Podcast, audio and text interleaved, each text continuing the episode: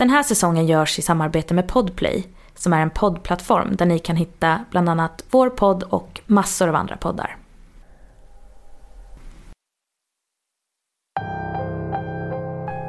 En härlig varm julikväll är några av dina vänner på väg över till dig för grillmiddag. Medan du väntar på dem har du startat grillen och kolen har äntligen vitnat. Du bestämmer dig för att det är dags att lägga på maten. Samtidigt som du lägger en köttbit på plats sveper en bris förbi dig. Aska virvlar upp och det bränner till i ditt vänsteröga. Halvt förblindad släpper du grillbesticken och springer in i badrummet där du försöker skölja ögat med kallt vatten. Du blinkar flera gånger, men det svider fortfarande. Du bestämmer dig för att undersöka ögat närmare i spegeln för att se hur det ser ut. Du håller upp ögonlocket med pekfingret och tummen så att du inte ska råka blinka och studerar noga. Det ser rött ut, men verkar inte finnas skäl för större oro. Medan du står där och tittar ändras plötsligt spegelbilden. Du ser inte längre ut som dig själv. Framför dig uppenbarar sig en pojke som inte kan vara mer än tio år gammal. Han ler mot dig och medan du förundrat tittar så börjar han förändras. Bölder täcker hans ansikte. De växer och blir snabbt lika stora som äpplen. Gult var rinner längs med hans kinder. Hans ansikte upplöses och en äldre kvinna syns nu i spegelbilden. För ett kort ögonblick ler hon också innan hennes ansikte förvrids i vad som ser ut som fruktansvärda plågor. Hennes hud ser ut att smälta av innan det stelnar till och förkolnas helt. Kvinnan försvinner och ersätts av en medelålders man. Han har någon form av militärhatt. Liksom de andra ler han en kort stund innan hans blick blir tom och ett hål bildas i hans panna. Blod börjar strömma ner över hans ögon och näsa. Mannen försvinner och du möts återigen av din egen spegelbild. Ditt röda vänsteröga stirrar förvånat tillbaka på dig. Men munnen formas snart till ett leende som kort därefter försvinner. Stora blödande skärsår dyker ett efter ett upp i ditt ansikte. Sen plingar det på dörren. Jag heter Miriam. Och jag heter Malin. Välkomna till Skräckinjagande väsen.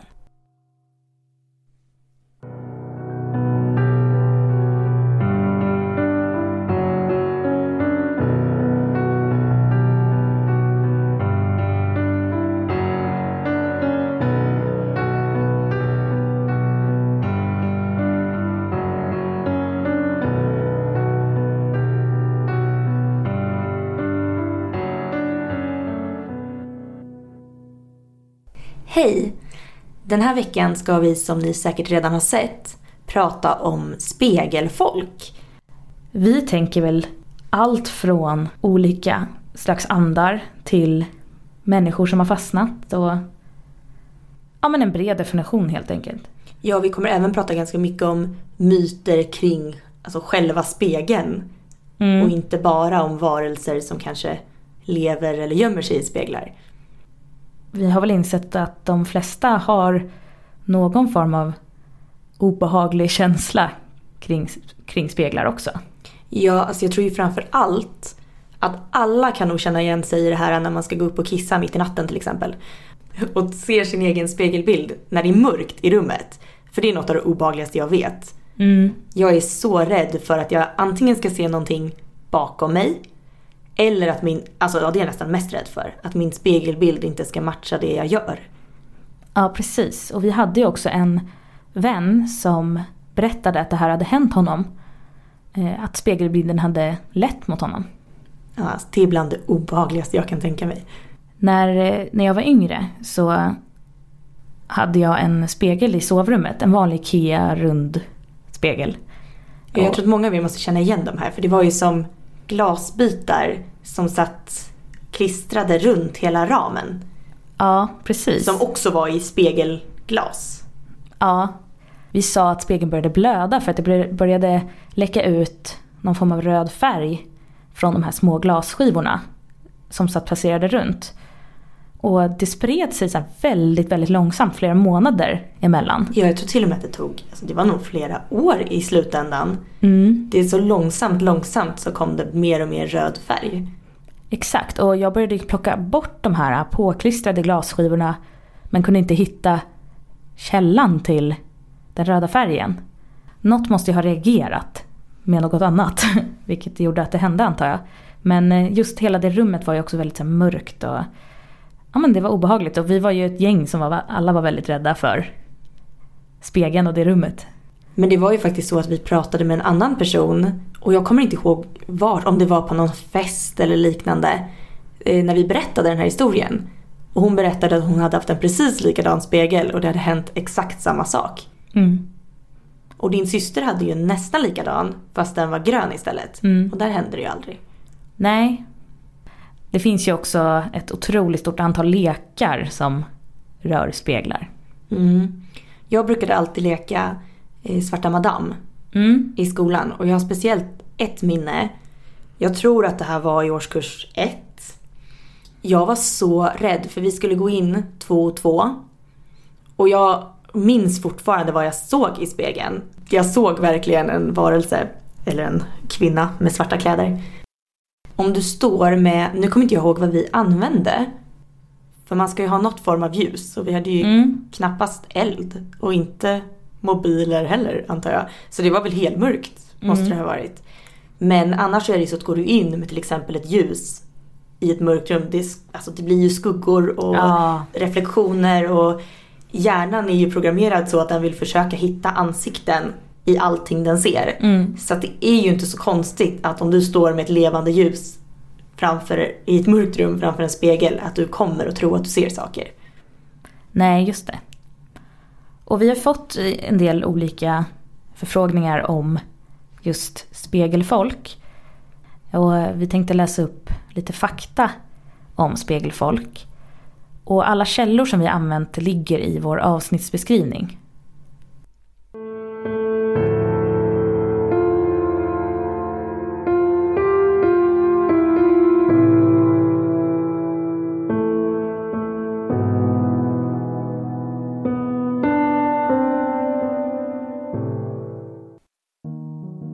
Det finns nästan ett oändligt antal myter och historier kring speglar. Några säger att om man tittar länge på sig själv i en spegel utan att blinka så kommer man att se sina tidigare inkarnationer. De flesta av oss har nog blivit uppskrämda för att vi tycker oss se en rörelse i reflektionen. Det är därför kanske inte så konstigt att människan har varit fascinerad av speglar och spegelbilder långt bak i historien. Många tror rent av att det finns andar och andra demoner som är fast i speglarna. I Kina ska man förr ha hängt en spegel framför ytterdörren för att onda andar som försöker äntra huset ska skrämmas bort. En av de kanske mest välkända legenderna är Bloody Mary. Legenden är ofta populär hos barn och tonåringar som utmanar varandra i att kalla på henne framför en spegel. Och detta kan gå till på flera olika sätt. Hur många gånger man bör ropa hennes namn finns det många olika variationer på. I filmens värld kan Candyman lockas fram genom att säga hans namn tre gånger i en spegel. I olika religioner och kulturer finns det gott om råd för vad som kan hända om man inte täcker över speglar. Inom judendomen kan man rådas att täcka för alla speglar i huset när någon har dött och familjen har Shiva, en sju dagar lång sorgeperiod.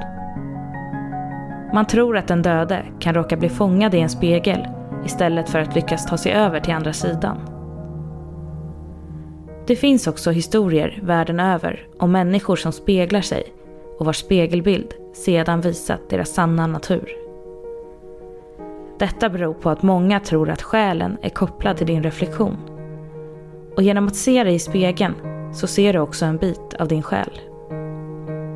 Många människor har varit rädda att se sig själva i spegeln för att de tror att en bit av deras själ ska fastna i den. Några säger att bebisar inte ska titta i en spegel sitt första levnadsår då man tror att själen fortfarande utvecklas då. Det finns mycket välkänd skrock som du säkert har hört talas om någon gång. Ett exempel kommer från romarna. Sju års olycka om du har sönder en spegel. Du kanske också har hört att om en spegel faller och går sönder av sig själv kommer någon i huset snart att dö. Råkar du se din spegelbild i ett rum där någon nyligen har dött kommer du inom kort själv att dö. Du väljer själv vad du vill tro på. Men att speglar för med sig besked om död och olycka finns det berättelser om i ett nästan oändligt antal varianter. Kanske gör man klokt i att vara försiktig runt speglar och att se till att bara studera sig själv i spegeln under dagtid och när det är ljust ute. Det finns nämligen flera historier om hur ödesdigert det kan vara att titta sig i spegeln i ett mörkt rum. Håller du enbart ett ljus i handen säger legender att du samtidigt kommer att få se alla väsen som vistas i ditt hem. Och blir du varse om dem, blir de oftast varse om dig.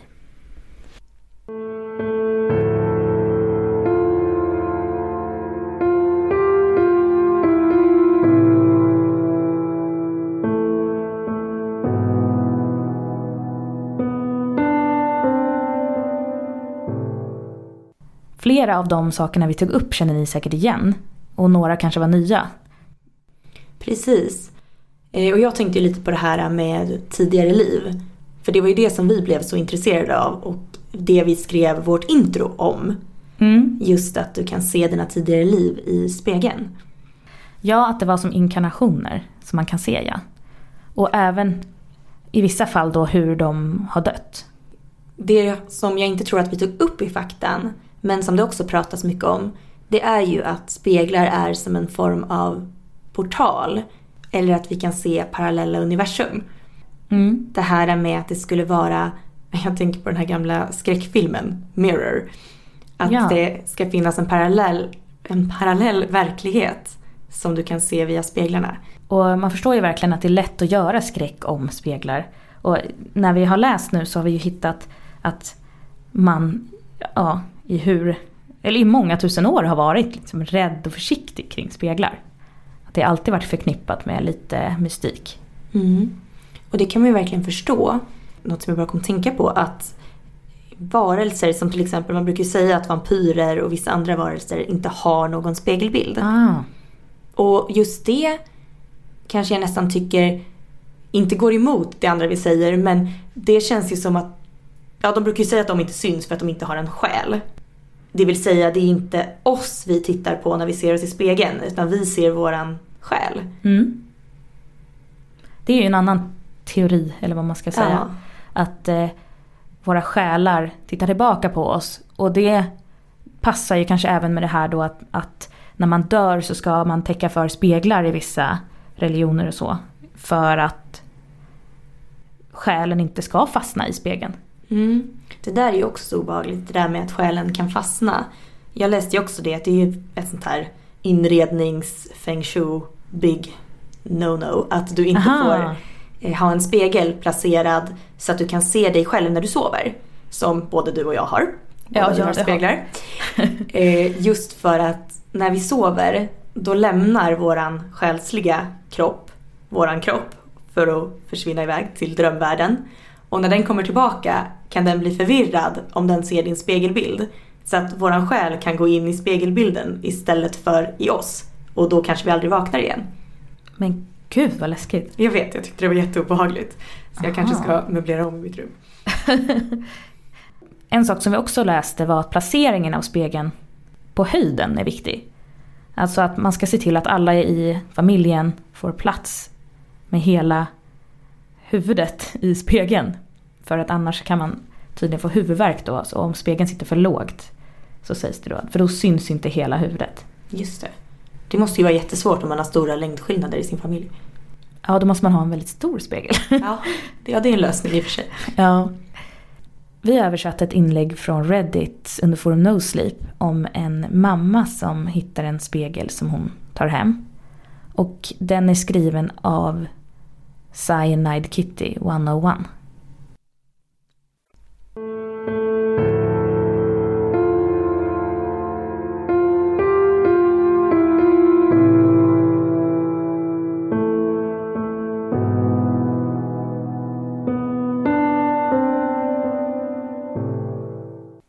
Hej allihopa!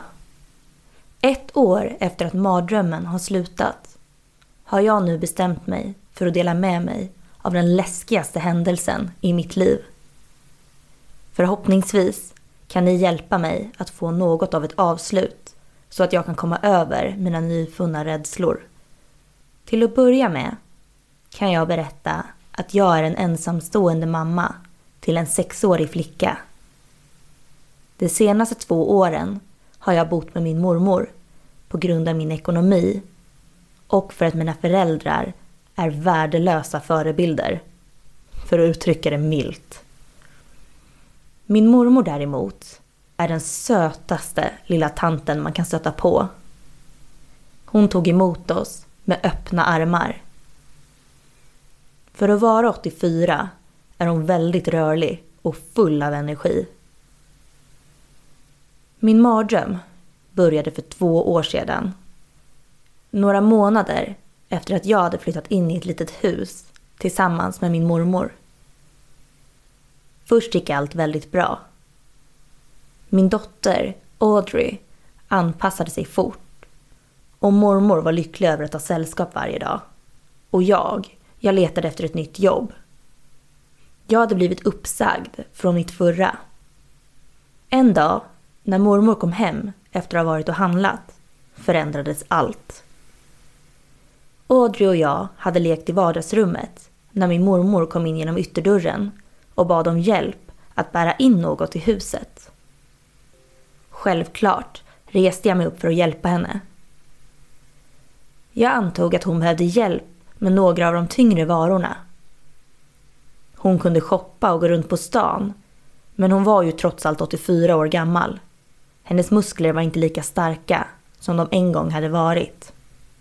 Jag följde med henne ut till hennes lilla bil och sträckte mig in efter matkassarna. Men jag fick syn på något annat där inne bland påsarna. En stor, platt rektangel täckt i bubbelplast som låg i en stor plastpåse i baksätet. Vad är det där för något?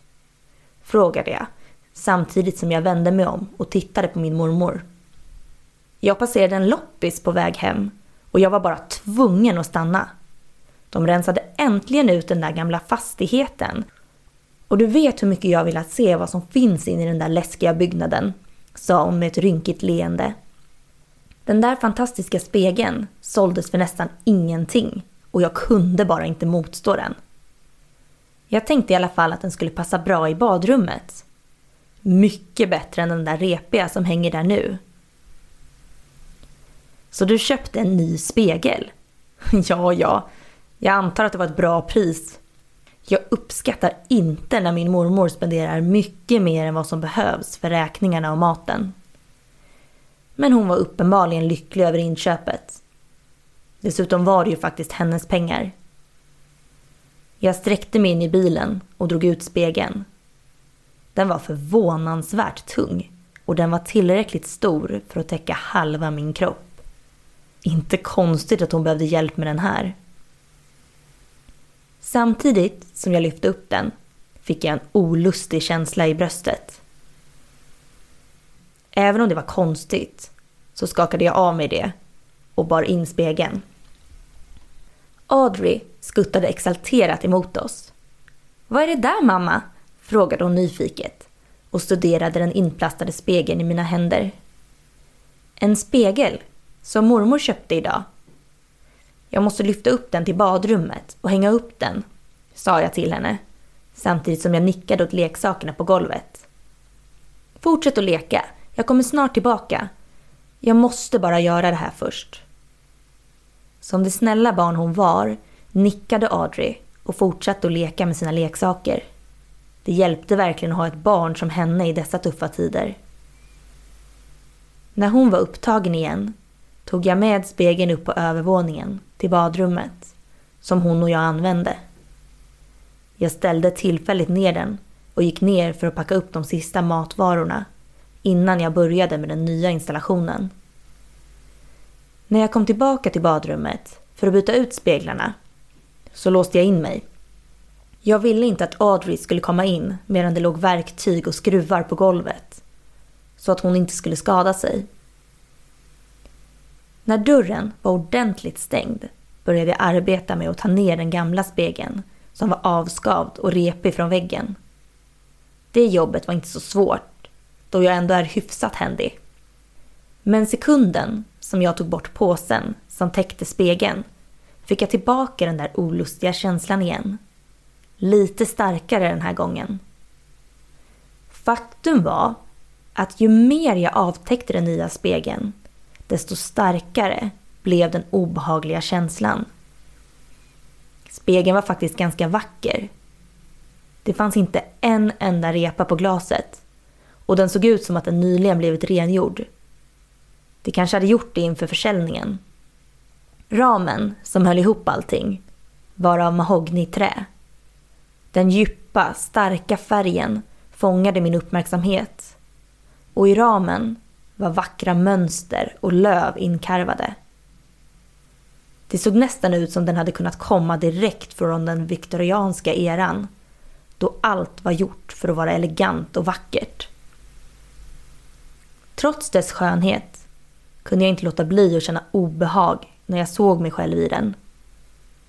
Men jag hade redan kommit så långt med jobbet och mormor hade betalat pengar för den. Så jag fortsatte med mitt jobb, att få upp spegeln på väggen.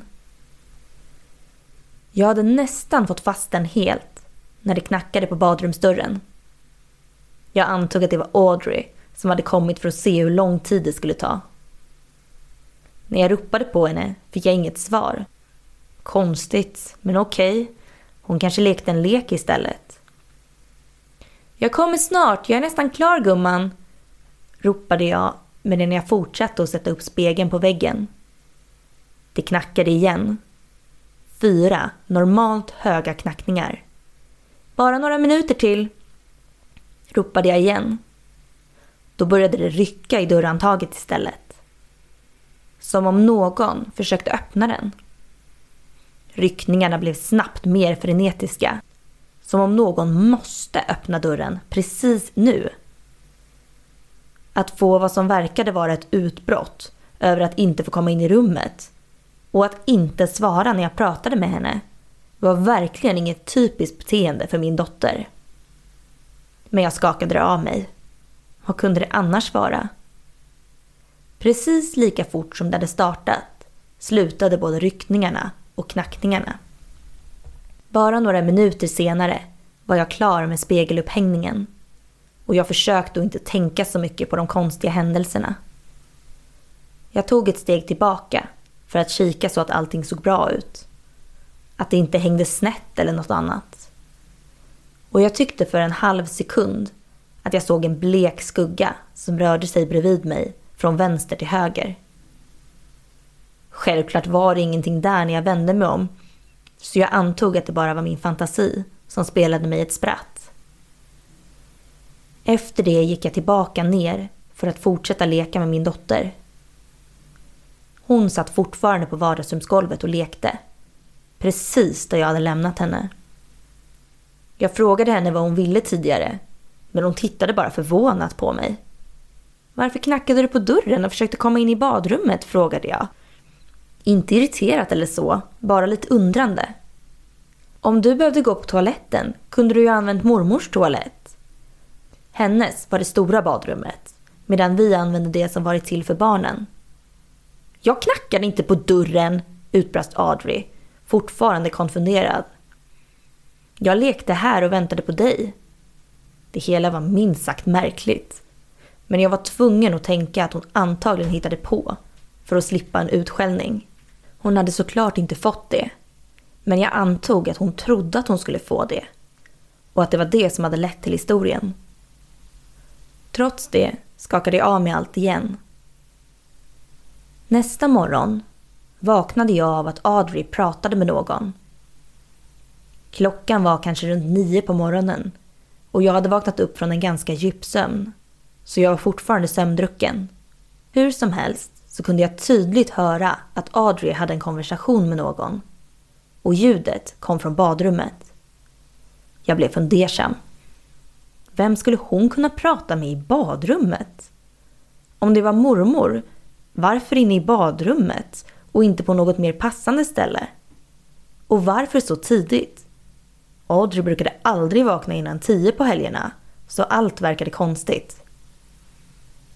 Jag gick upp ur sängen och började gå mot badrummet. Dörren var stängd. Jag började med att luta mig mot dörren för att försöka höra vad min dotter sa och se om jag kunde höra vem den andra personen var. Jag kunde bara höra min dotters röst. Hon sa något om att hon inte ville skada mig. Självklart blev jag orolig över att hon pratade om att skada mig, även om det var något hon inte verkade vilja göra. Bara tanken på att min lilla flicka pratade om sådana saker skrämde mig. Jag ryckte upp den olåsta dörren och fann Audrey stående på sin lilla pall framför spegeln. Hon såg på mig med rynkad panna och hoppade sedan ner från pallen och kramade mig samtidigt som hon började gråta. Jag vill inte göra det mamma. Säg till henne att jag inte vill göra det. Hulkade hon ur sig samtidigt som hon begravde ansiktet i sitt nattlinne och kramade mina ben. Jag kramade självklart tillbaka och strök henne över håret för att försöka lugna ner henne. Det är okej, det är ingen fara. Jag försökte trösta henne, men jag var tvungen att försöka förstå vad hon pratade om. Jag drog mig tillbaka tillräckligt mycket för att kunna sätta mig på huk så att våra ögon var i samma höjd. Vem var hon? Vem var det som sa att du skulle skada mig? frågade jag. Jag tror aldrig någonsin att jag varit mer oroad över mitt barns säkerhet än i just det här ögonblicket. Allting skulle kunna vara hennes fantasi. Men det var inte heller bra. Det betydde att min lilla flicka hade fruktansvärda tankar för ett så litet barn. Och om det inte var hennes fantasi, hade någon då brutit sig in i huset och påverkat henne? Ville de ta henne? Jag var tvungen att veta. Audrey lyfte sin lilla hand och torkade sina ögon. Med den andra handen pekade hon på spegeln. Kvinnan i spegeln. Hon gillar inte dig. Okej. Okay. Jag lyfte upp Audrey och tog ner henne för att göra frukost samtidigt som jag tröstade henne efter det som hänt. Mormor var redan i köket och höll på med frukosten eftersom hon alltid var uppe före oss. Men hjärtat, vad har hänt? frågade hon Audrey med en bekymrad blick. Har du haft en mardröm? Audrey skakade på huvudet. Nej, men jag bara nickade. För att stoppa henne från att fråga något mer. Jag ville inte att min stackars mormor skulle behöva oroa sig mer än vad hon redan gjorde för oss. Nåja, det är över nu. Jag ska göra lite goda pannkakor. Vad tror du om det? Frågade mormor Adri med ett leende. Adri nickade bara, fortfarande tyst gråtandes, medan hon hängde på mig. Resten av dagen flöt på normalt. Det var när det blev kväll igen som saker blev riktigt illa. När jag tog en kvällsdusch tyckte jag att jag hörde en liten knackning på badrumsdörren. Dörren var inte låst den här gången eftersom det inte fanns något farligt som Audrey kunde göra sig illa på om hon kom in. Jag kikade fram bakom duschdraperiet och tittade på dörren en stund medan det var en paus i knackandet. Men bara sekunder efter att jag slutat titta började knackningarna igen. Och sen började dörrhandtaget att rycka. Dock bara lite lätt. Precis som förra gången antog jag att det var Audrey. Men den här gången kunde hon ju öppna dörren om hon verkligen ville. Audrey! ropade jag men ingen svarade och handtaget slutade röra sig.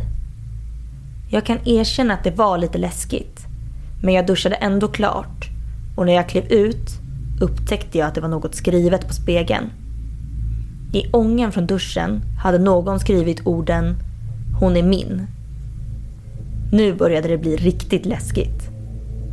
Min första tanke var att Audrey hade kommit in utan att jag märkte det och skrivit det som ett skämt av någon outgrundlig anledning. Men det hade varit omöjligt. Bokstäverna var för högt upp på spegeln. Hon hade inte kunnat nå så högt. Hon hade i så fall behövt klättra upp på handfatet och det hade låtit för mycket. Var det mormor i så fall? Men varför? Jag torkade av mig och klädde på mig. Jag tittade in i spegeln som långsamt blev mindre immig medan jag fixade håret. När jag studerade min spegelbild kan jag svära på att jag såg den hånle mot mig.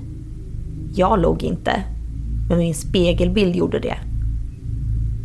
Det här skrämde upp mig, men jag blinkade ett par gånger och tänkte att det måste ha varit stress eller ljuset som spelade mig ett spratt. Känslan av obehag sköljde över mig igen. Den här gången mycket starkare än tidigare. Jag stirrade in i spegeln och försökte se minsta lilla förändring. Min hjärna försökte fortfarande desperat att hålla kvar hoppet om att det här bara var min fantasi. Men då såg jag det igen. Min spegelbild hånlog återigen. Jag hoppade skärrat bakåt. Hade det varit på riktigt den här gången? Hur kunde det vara det? Jag behövde få reda på det. Jag sträckte mig tveksamt mot den reflekterade ytan. Den härmade varenda rörelse jag gjorde. Precis som en spegel ska göra. Mina fingerhoppar nuddade den kalla ytan. Och med kall menar jag iskall. Det kändes som att spegeln legat i frysen i timmar. Det var då det mest fruktansvärda hände. Min spegelbild förändrades. Sakta men säkert och framför mina ögon förvrängdes min reflektion till en annan ung kvinna. Mina ansiktsdrag byttes ut till någon helt annan. Hon såg ut att komma från en svunnen tid. Hon hade en ljusblå klänning på sig och uppsatt långt hår. Hennes ansikte var täckt av smink och hon hade ett djupt rött öppet skärsår över halsen. Hon log mot mig. Inte ett trevligt leende, utan ett ondskefullt hånleende. Jag hoppade bakåt och försökte dra bort min hand. Men en annan hand, hennes hand, uppenbarade sig ur spegeln och tog tag i min handled. Hennes långa naglar grävde sig in i min hud. Smärtan strålade ut, men jag ryckte min hand mot mig, trots smärtan. Och hennes hand försvann tillbaka in i glaset. Spegelbilden ändrades tillbaka till min egen på bara ett ögonblick. Och jag skrek. Jag skrek så högt att jag är säker på att grannarna måste ha hört mig.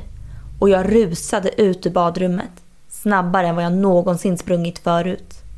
Jag var nära på att ramla två gånger medan jag sprang ner för trappan till min mormor. När jag väl kom fram till henne var jag i upplösningstillstånd och kunde nästan inte prata alls. Hon blev självklart väldigt oroad och frågade vad som var fel. Samtidigt som hon satte mig ner och försökte trösta mig. Till en början var allt jag kunde göra att snyfta fram enstaka ord.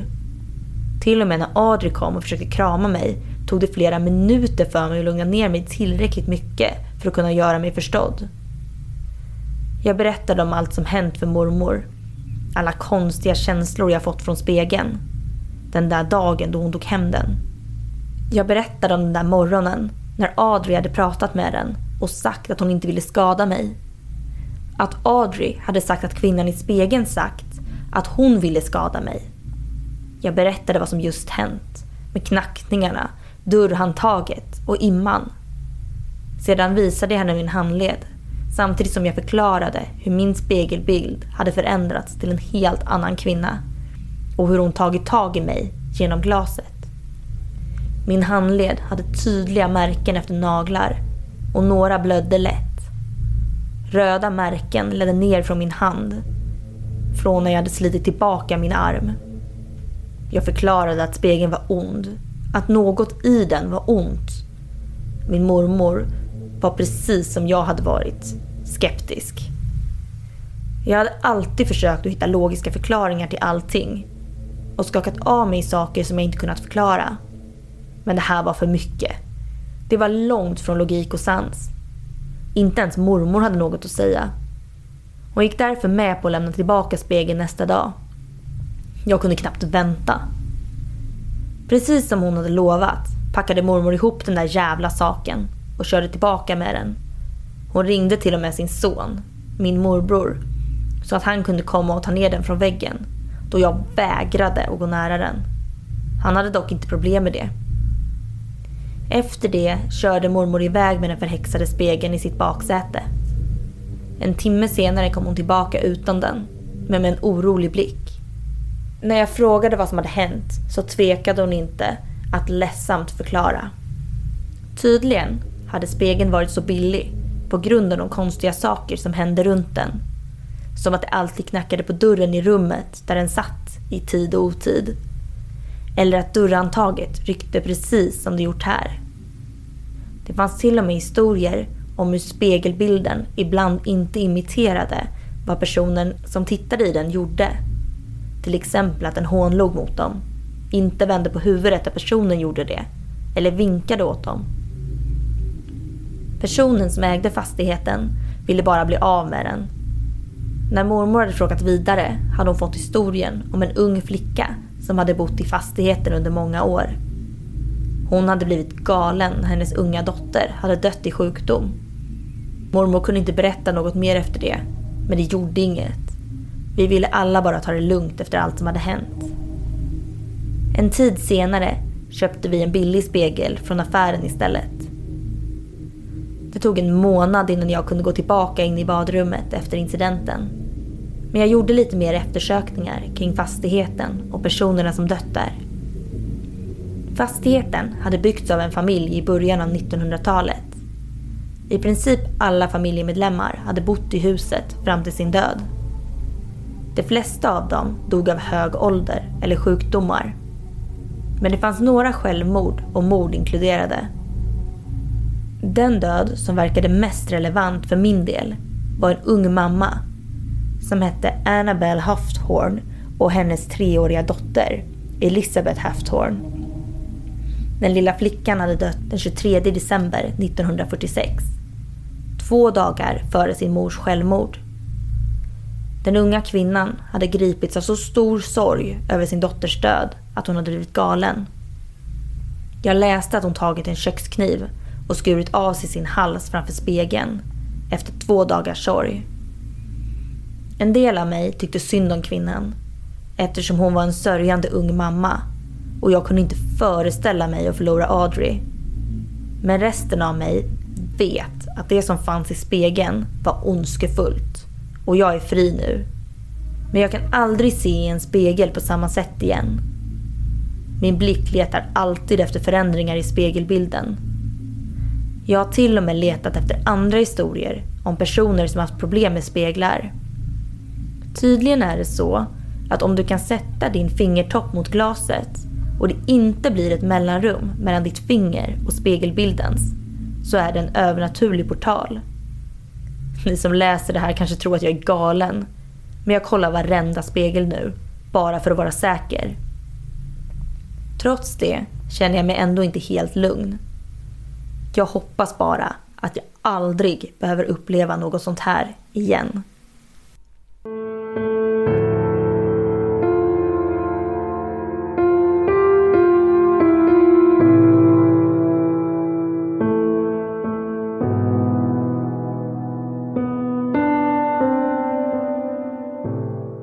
Den här historien tycker jag känns som en väldigt klassisk spegelhistoria om du förstår vad jag menar. Ja. Den har verkligen de här typiska inslagen. En spegel som köps på loppis Mm. som du inte vet vart den kommer ifrån. Spegeln i sig har en historia. De tar, in, tar med sig den här varelsen, eller kvinnan då, då Mm. som har fastnat i spegeln hem. Och sen händer det en massa obehagliga saker. Ja, och det känns också som ett exempel på där själen har blivit fast.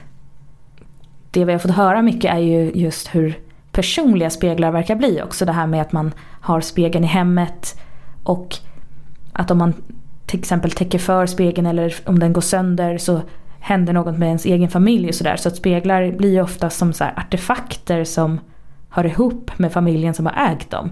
Mm. Jo, jag känner ju att jag inte är så sugen på att köpa en spegel på loppis efter allting man har läst.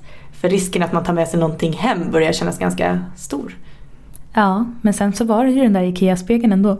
Ja, det är sant. det var det. Men det vore jättespännande om någon av er har till exempel köpt en spegel på loppis eller kanske ärvt en spegel eller hittat en spegel i sitt hem eller vad vet jag.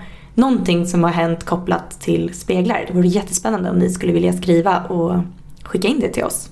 Ja, och vi känner oss ju inte riktigt klara med det här ämnet.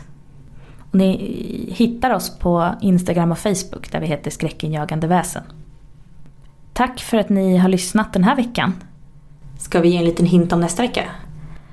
Ja, nästa vecka tar vi väl egentligen upp ett ämne som lite likt tandfen kanske inte alltid är förknippat med just skräck. Nej, det har du väldigt rätt i. Utan det här kanske snarare är förknippat med något ganska vackert. Eller något väldigt vackert. Mm. Men det bryter vi ner och förstör totalt. Det är så vi jobbar. Mm. Men vi hörs nästa vecka och tack för att ni har lyssnat. Hej då! Hej då!